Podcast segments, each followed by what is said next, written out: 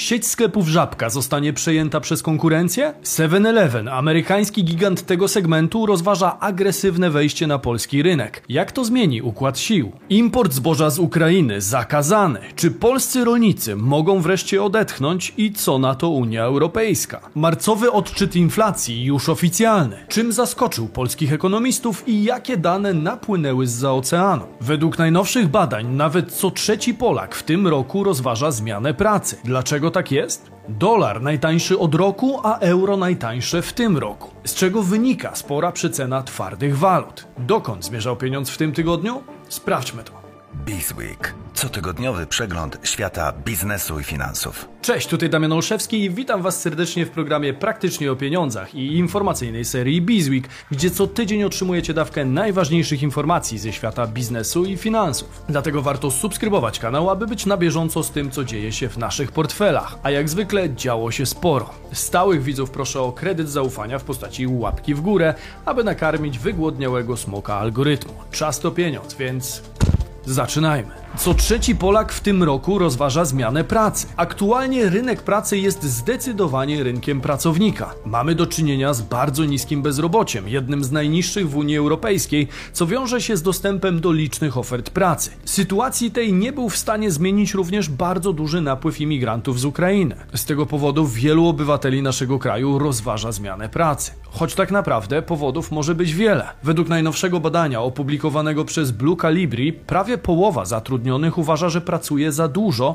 ale boi się poprosić o podwyżkę. Tym samym wielu pracowników uważa, że łatwiej będzie zmienić pracę i w ten sposób dostać podwyżkę, niż prosić o nią obecnego szefa. Badanie wskazuje jednak na jeszcze ciekawszą informację. Mianowicie aż 34% ankietowanych rozważa zmianę pracy jeszcze w tym roku. Dodatkowo zatrudnieni obawiają się również o sytuację finansową pracodawców, głównie z powodu wzrostu kosztów prowadzonej działalności, inflacji, a także wojny za naszą granicą. W temacie upadłości firm oraz potencjalnych rozwiązań dla przedsiębiorców z trudnościami powstał zresztą cały odcinek, który możecie nadrobić tutaj. Niektórzy pracownicy obawiają się o swoje stanowiska także w związku z wdrażaniem nowych technologii w firmach, w tym sztucznej inteligencji. W badaniu zwrócono również uwagę na trendy, które pojawiają się na rynku. Jest to m.in. tzw. Tak work-life balance, a także well-being, o czym jeszcze 20 czy nawet 10 lat temu nikt za bardzo nie myślał, m.in. z uwagi na ówczesną kulturę pracy. Tamas Barati, współzałożyciel firmy Blue Calibri wywodzącej się z Węgier,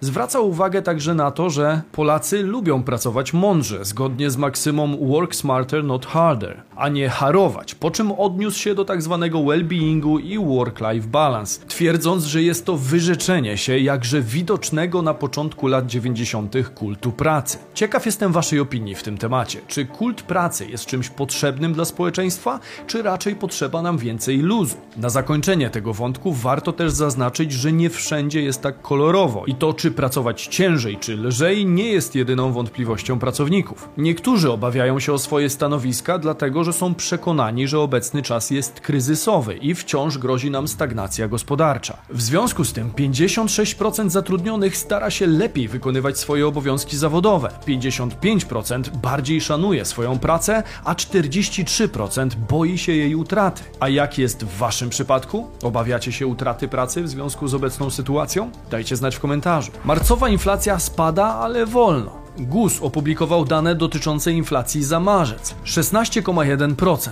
Tyle wyniosła inflacja w marcu, czyli wynik zbliżony do przewidywań GUS-u, który szacował, że inflacja wyniesie 16,2%. Odczyt inflacji bazowej nie był jednak korzystny. W tym przypadku mówimy o dalszym wzroście z 12 do około 12,3%.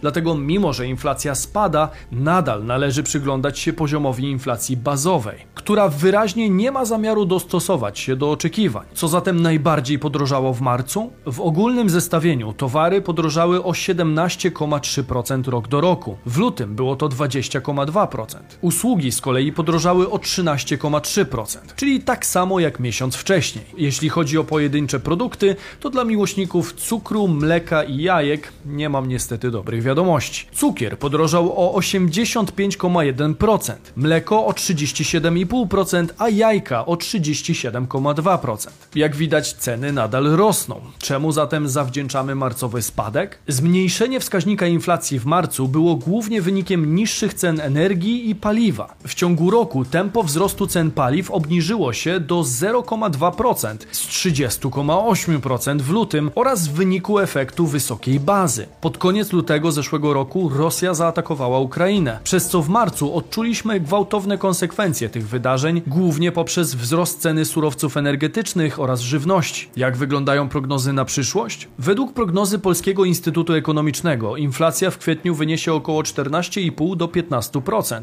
głównie za sprawą wysokich cen żywności. Przy czym inflacja bazowa nadal będzie wysoka. Dalsza część roku oraz 2024 także nie będzie nigdzie w okolicy celu inflacyjnego. Głównym problemem, z jakim teraz będzie musiała się zmierzyć polska gospodarka, jest inflacja bazowa, czyli ta bez cen energii i żywności, która według kalkulacji w 2023 roku ma być na średnim poziomie 11,3%. Dodatkowo według ekspertów think tanku nadal będziemy obserwować powolny spadek inflacji ze względu na szybki wzrost wynagrodzeń, a do celu inflacyjnego NBP na poziomie 2,5% zbliżymy się najszybciej dopiero w 2026 roku. Jednak bez względu na to, kiedy inflacja da za wygraną, na co dzień dalej dokonujemy zakupów i warto to robić jak najrozsądniej. Dzięki Letyshops możecie kupić wszystko z rabatem od sklepu i z powiększonym kilkukrotnie cashbackiem. Letyshops to serwis cashback, który pozwala zwrócić część wydanych pieniędzy z każdego zakupu online. W ich ofercie na pewno znajdziecie swoje ulubione sklepy.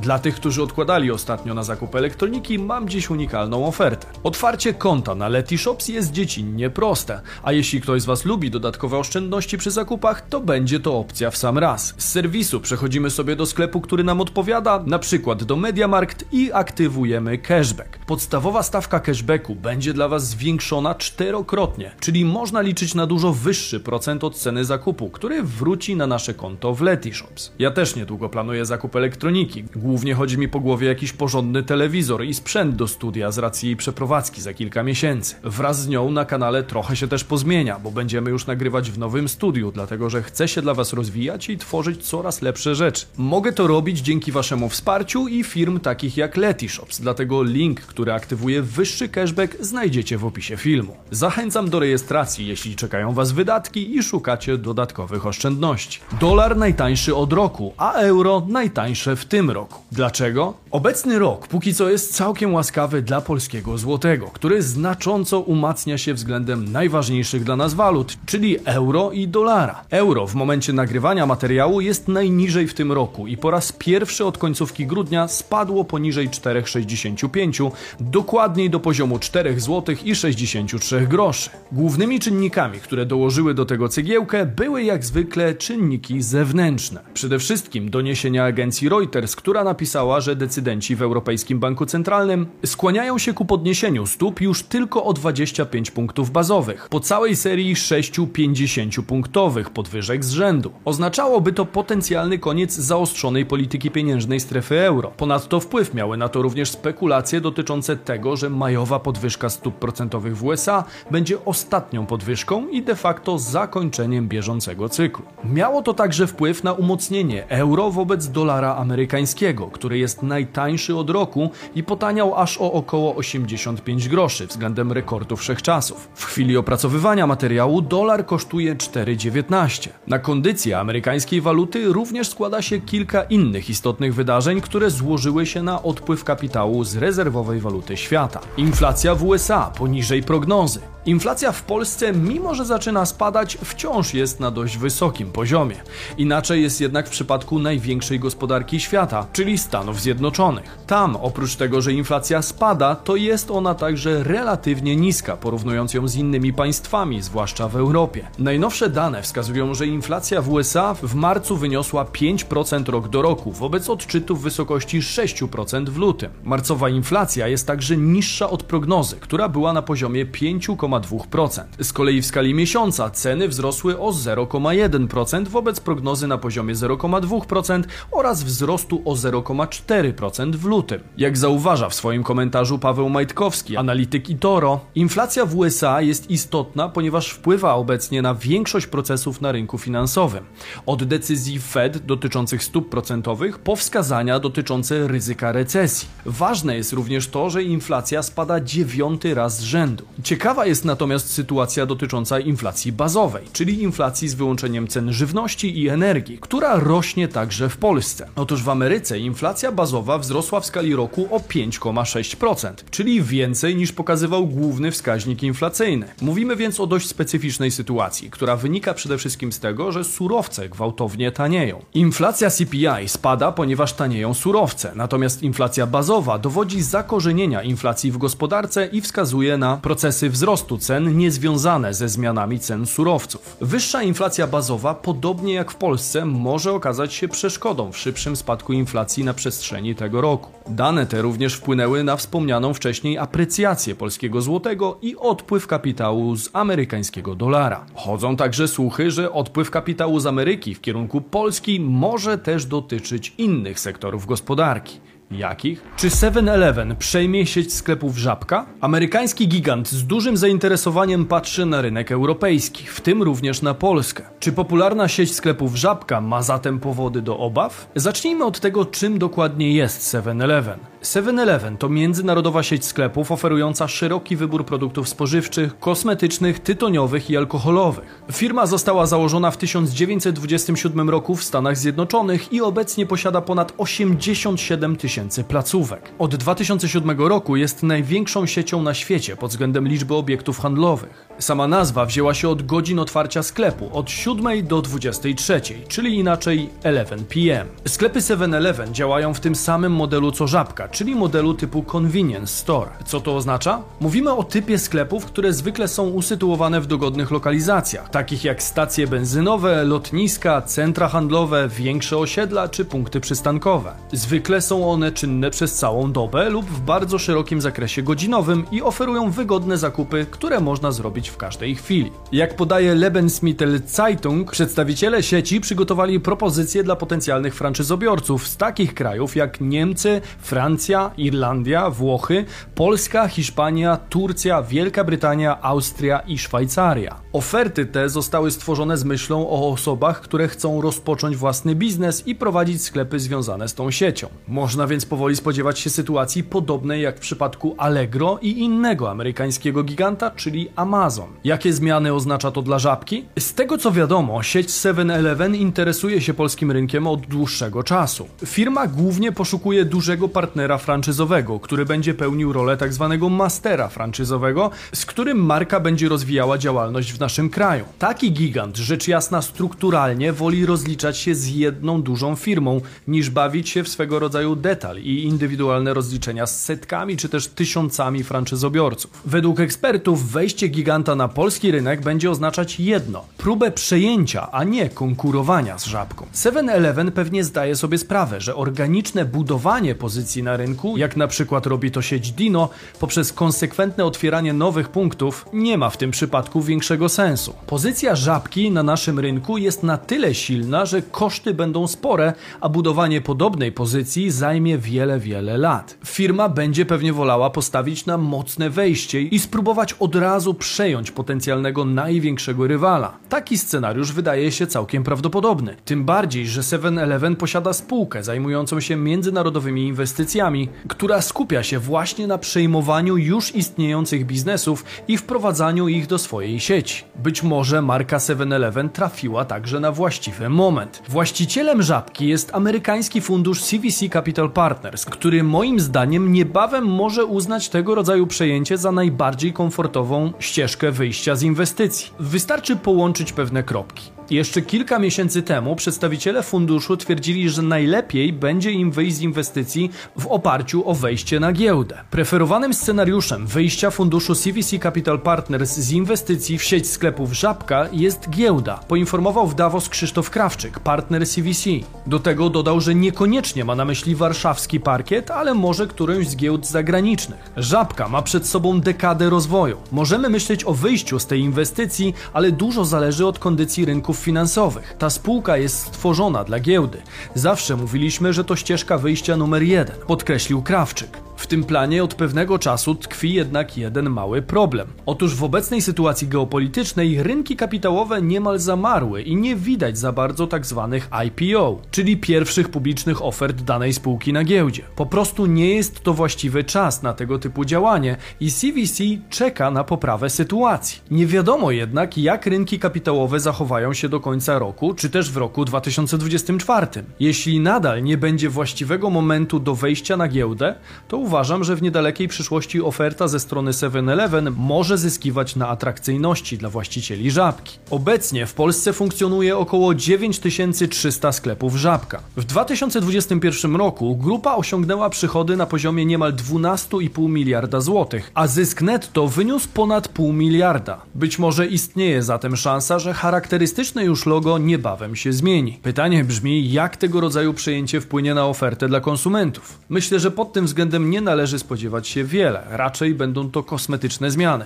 Oba sklepy funkcjonują w tym samym modelu. Jak zauważa Robert Krzak, ekspert sektora handlu i produktów konsumenckich EY Polska, bardzo trudno będzie zaoferować klientom coś, czego nie dostaną w innych sklepach tego formatu. Zatem jak uważacie, czy 7-Eleven już niedługo przejmie żabkę? Dajcie znać w komentarzu. Import zboża z Ukrainy zakazany. Co na to Unia? Polskie rolnictwo od dłuższego czasu zmaga się z kolejnym wyzwaniem, jakim jest import taniego zboża z Ukrainy, które przedostaje się do Polski bez cła. A przynajmniej przedostawało się do tej pory, ponieważ rząd wydał w tym tygodniu rozporządzenie zakazujące wwozu zboża z Ukrainy. Dokładniej, dokument ten zakłada, że zakaz wwozu produktów rolnych z Ukrainy ma obowiązywać do 30 czerwca tego roku. Otóż dzisiaj rząd podjął postanowienie o rozporządzeniu, które zakazuje wstępu, że tak powiem, to znaczy przywożenia do Polski zboża, ale także dziesiątków innych rodzajów żywności. Zakazem zostało objętych 18 klas produktów: zboża, cukier, susz paszowy, nasiona, chmiel, len i konopie, owoce i warzywa, produkty z przetwórstwa warzyw i owoców, wina, wołowina, cielęcina, mleko i jego przetwory, wieprzowina, baranina, jaja, mięso drobiowe, alkohol etylowy pochodzenia rolniczego, produkty pszczele, a także grupa produktów określanych jako pozostałe, czyli m.in. żywe świnie, konie, bydło i mięso z uboju. To bardzo duża zmiana polityki polityki handlowej przeprowadzona bez uzgodnień z Unią Europejską, a to wspólnota ma w takich kwestiach decydujące zdanie. Handel zagraniczny, także z Ukrainą, to sprawa, w której wszystkie państwa Unii Europejskiej decydują wspólnie i w której Komisja Europejska dysponuje własnymi kompetencjami. Państwa członkowskie nie mogą same wprowadzać własnych ograniczeń ani ceł, podkreślił Artur Nowak-Far z Instytutu Prawa SGH. Prawda jest jednak taka, że po pierwsze, gdybyśmy zapytali, to na wiążącą odpowiedź trzeba trzeba by było sporo czekać, a konsekwencje masowego wwozu zboża od naszych sąsiadów mogłyby już być daleko idące dla polskiej wsi. Po drugie, szanse, że Unia przychyliłaby się do ustanowienia takiego zakazu są raczej niewielkie. Z kolei polskie rolnictwo nie ma większych szans na konkurowanie z ukraińskim z wielu różnych powodów, choćby ze względu na jakość ziem, wielkość areałów, czy też koszt pracy Polaka w porównaniu z obywatelem Ukrainy. Jeśli dodamy do tego zupełnie otwarte granice, bez cła, to mamy receptę doskonałą na szybką zapaść krajowego rolnictwa. Powiadomiliśmy już naszych przyjaciół ukraińskich o tych decyzjach i jesteśmy gotowi w każdej chwili. Być może to będą wręcz najbliższe dni.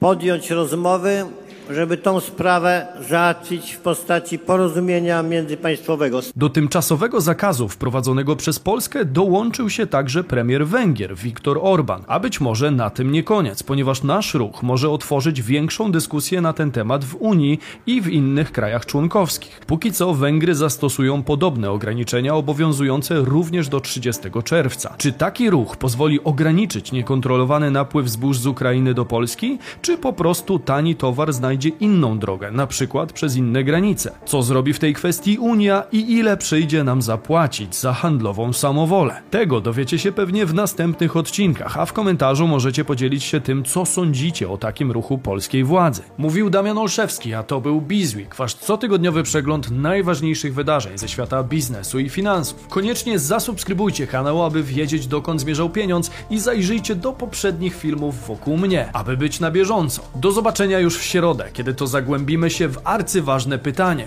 czy polskie banki są bezpieczne? Bądźcie ze mną, jeśli jesteście tego ciekawi.